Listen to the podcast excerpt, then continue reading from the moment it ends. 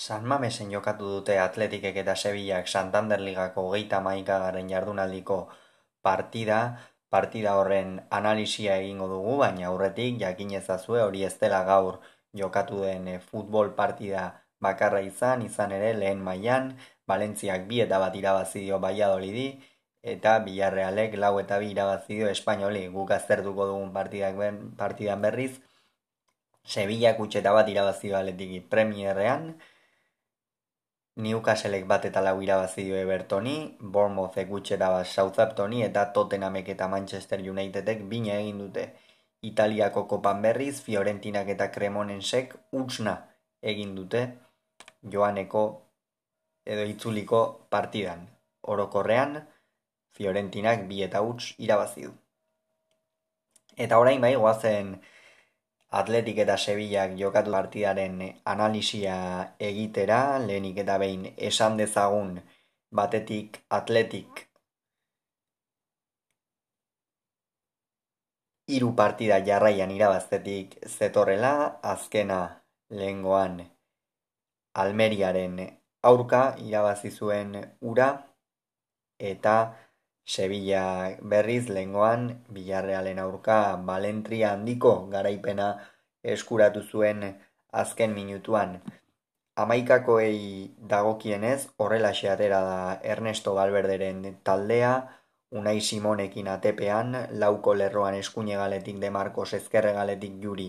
Bibian eta Jera jatzealdearen erdialdean, Euskarri bikoitza osatu dute Ander Herrerak eta Dani Garziak, aurreratuago erdi puntan oian sanzet izan da, ezkerre galetik Nico Williamse jokatu du, eskuine galetik Iñaki Williamsek eta goian golaren arduradun gorka guruz eta izan da. Jose Luis Mendilibarrek berriz, lau bihiru bateko sistema mantendu du, Dimitrovitzekin atepean, Jesus Navas izan da eskuine galetik, Akuña ezkerre galetik, atzealdearen erdialdean gudel eta bade, Euskarri bikoitza osatu dut errak eta Fernando, kerdi puntan izan da Lamela, ezkerraldetik Okampos, eskuinaldetik Suso eta goian golaren arduradun Josef Enesiri. Esaten genuen partida zera nahiko joko zuzena egiten zuten bi talde zirela, baina gaurko partidan egia esan ez da alakorik asko ikusi. Mendilibarrek nola baitean partidaren planteamentua aldatu egin du eta kontrolatuago edukina izan du hori nik uste aletikek aurreko partidetan erakutsitakoaren sintoma izan daitekela ez da azkenean hiru partida jarraian irabaztetik zetorren, konfidantza handiarekin eta horrek beti aurrera joateko eta jokalariek beren kalitatea erakusteko probabilitate handiagoa ematen du eta horregatikan mendilibarre gaurkoan partida kontrolatuago edukina izan du eta hori nabarmena izan da zela erditik aurrera baloia nola ukitzen zuten ikusita ez? Ez ziren une oro aurrera joaten, gehiago elkarbanatzen zuen jokoa Sevillak paseekin, pase laburrekin, pase horizontalekin ere ausartu dira,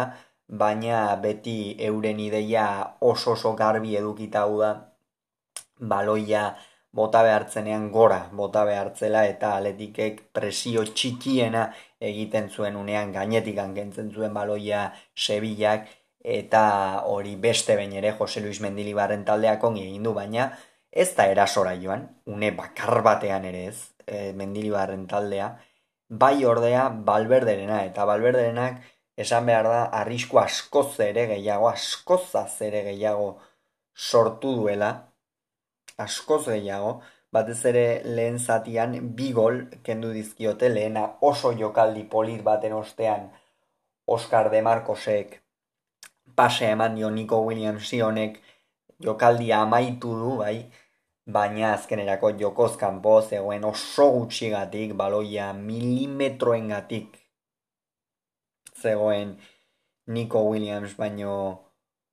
aurreratuago eta horren ondorioz gola kendu diote. Eta gero beste gol bat ere kendu diote aletiki kasu honetan. Erdiraketa baten ostean gorka guruzetak egindako errematea barrura sareetara joan da, baina jokozkan zegoen donostiarra. Eta horren ondorioz epaiak balio gabe utzi du gola. Hortikan aurrera ordea partida oso ez da izan partida entretenigarria ez da gutxiagorik ere gaurkoa. Eta bigarren zatian Jose Luis Mendilibarrek aldaketa egin du Erik Lamela. Atera du zelaitik ja nekatua zegoen azken partidak jokatzen ari zen eta Brian Hill zela iratu du garantia handiko jokalaria bai erdi puntan eta bai egalean jokatu zezakeena eta benetan maila ona eman du Brian Hillek gaurkoan Sevillak esan dugu ez duela distira handirik erakutsi hau da jokoa kontrolatzera eta ez da partida irabaztera atera gaurkoan Sevilla. Hori izan da nik uste errealitatea. Unai Simonek ez du lanik izan, baina ez du apenas lanik izan. Unai Simonek ez du gogoratzen ere Sevillaren Sevillak hiru zutoinen artetik jaurtitako jaurtiketaren bat, baina kontua kontu horixe golaukera gutxiko partida eta mendilibarrek bigarren zatian aldaketak egin ditu, baina lengo lepotik burua eramanaz. Berrogeita amabos garrenean ere gehie atera durrakititzen ordez, berrogeita amasei garrenean berriz, Montiel eta Papu Gomez zela iratu ditu eta Navas eta Suso kendu Montiel noski. Iñaki eta Nico Williamsen e, abiadura apur bat gelditzeko gero baita ere Berenger atera denean hor ere kontrolatua eduki nahi zuen e, Mendilibarrek noski Berenger beti delako jokalari arriskutsua Nafarra. Eta aldiz Papu Gomez ba pixka bat hor e, erasoan edo jokoa kontrolatuago edukitzeko baita ere Navas eta Suso kendu ditu, Suso lengo astean partida ona egin zuen, gaurkoan Sevilla orokorrean bezala ez da asko agertu ez du aparteko partida egin, baina bete behar zuena eta mendiribarrek eta partidak eskatu diena nik uste ongi bete duela, gaurkoan Susok, eta Jesus Navasek beste bain ere sekulako partida egin du. Jesus Navasena ikeragarria, Jesus Navas da jokalari bat non urteak pasa daitezke, baina berak maia berdinean jarraituko du, maia berdinean jarraituko du Jesus Navase gaurkoan ere zuen lan erraza, Niko eta Iñaki Williams bi anaiak izan ditu bere egalean eta badakigu Niko eta Iñaki Williams ligako jokalari azkarrenetakoak direla eta defenditzea ez dela erreza, baina benetan bikain erakutsi du bere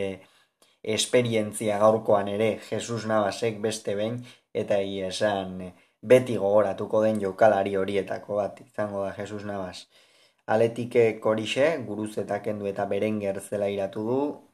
baita laro garren minutuan Raul García atera du eta Iñaki Williams zelaitikan kendu du, hor ere balberden nik uste da pixka bat dosifikatu nahi zuela ez, e,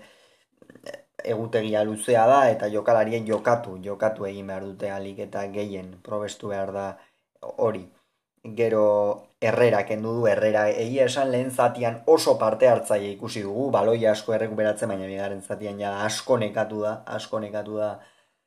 sasoi batean Paris Saint Germainen aritutako jokalaria eta horren ondorioz ba, beno, Balberde kaldatu egin du nahi benzedorren. Gero mendilibarek ere laro eta laugarrenean Alex Teyes atera du eta akuña kendu eta laro eta deratzi garenean Aduares atera da Nico Williamsen ordez. Laro eta deratzi garenean jada partida amaitua zegoela ematen zuen ezen gauza handiri gertatu partidako gauzarik nabarmenenak lehen zatian gertatu dira, hau da, batetik Nico Williams ikendu dioten golean eta bestetik gorka guruzetari kendu dioten golean hortikan aurrera ez da ezertxo ere izan ez da ateza, ez dute atezainek euren zera euren erakustaldirik handiena eman behar izan ez dute inongo baloirik atera behar izan orokorrean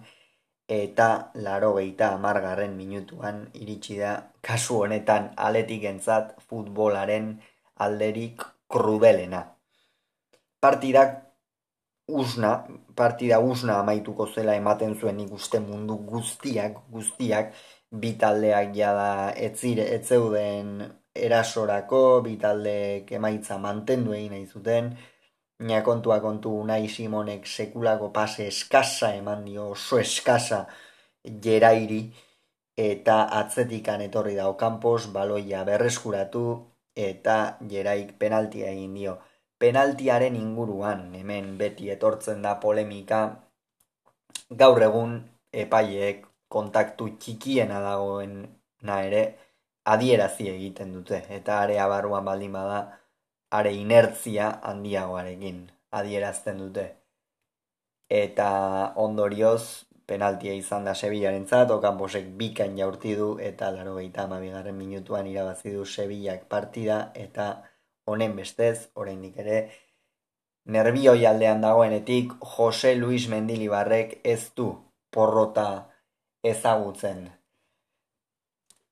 Hau da futbola, e, gaurkoan nik uste demostratu dela, ez da azken minutura arte ez dira gauzak erabakitzen, xeetasun txikiena ere garrantzitsua izan daiteke,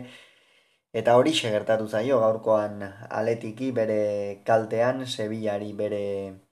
mesederako, eta hause izan da gertatu dena, hau da aletik Europako postuetatik urrundu eginda, oraindik ere noski borrokan jarraitzen dute, balberderenek, baina txapeldunen ligako postuetaz aztu dira, iru puntura dauzkate konferentzeko postuak, eta Sevilla berriz, ba, berrogeita bat punturekin, jada, ia matematikoki salbatuta dago, eta gainera, konferentz postuak, ba, zortzi puntura dituzte, jeitxiera, amarrera daukaten bitartean, beraz, Sevilla e, sekulako gorakada egin du mendilibarrekin, gaurkoan ere balentria handiko garaipena lortu du San Mamesen, egia da zorte horrekin ez da, ze berez ez dira partidaren bila atera, hau da, presioa egiten zuten, baina ez bestetan egin izan dutena bezala, baina kontua kontu horixe, hau da fugola, eta orain Sevilla aletiken gandik bostera dago, orain hilabete jaitxieraren inguruan hitz egiten ari zirenean. Hau izan da beraz gaurko esan behar genuen guztia, aurrengoan gehiago izango duzuek irolunea podcast honetan, bitartean ongi izan agur.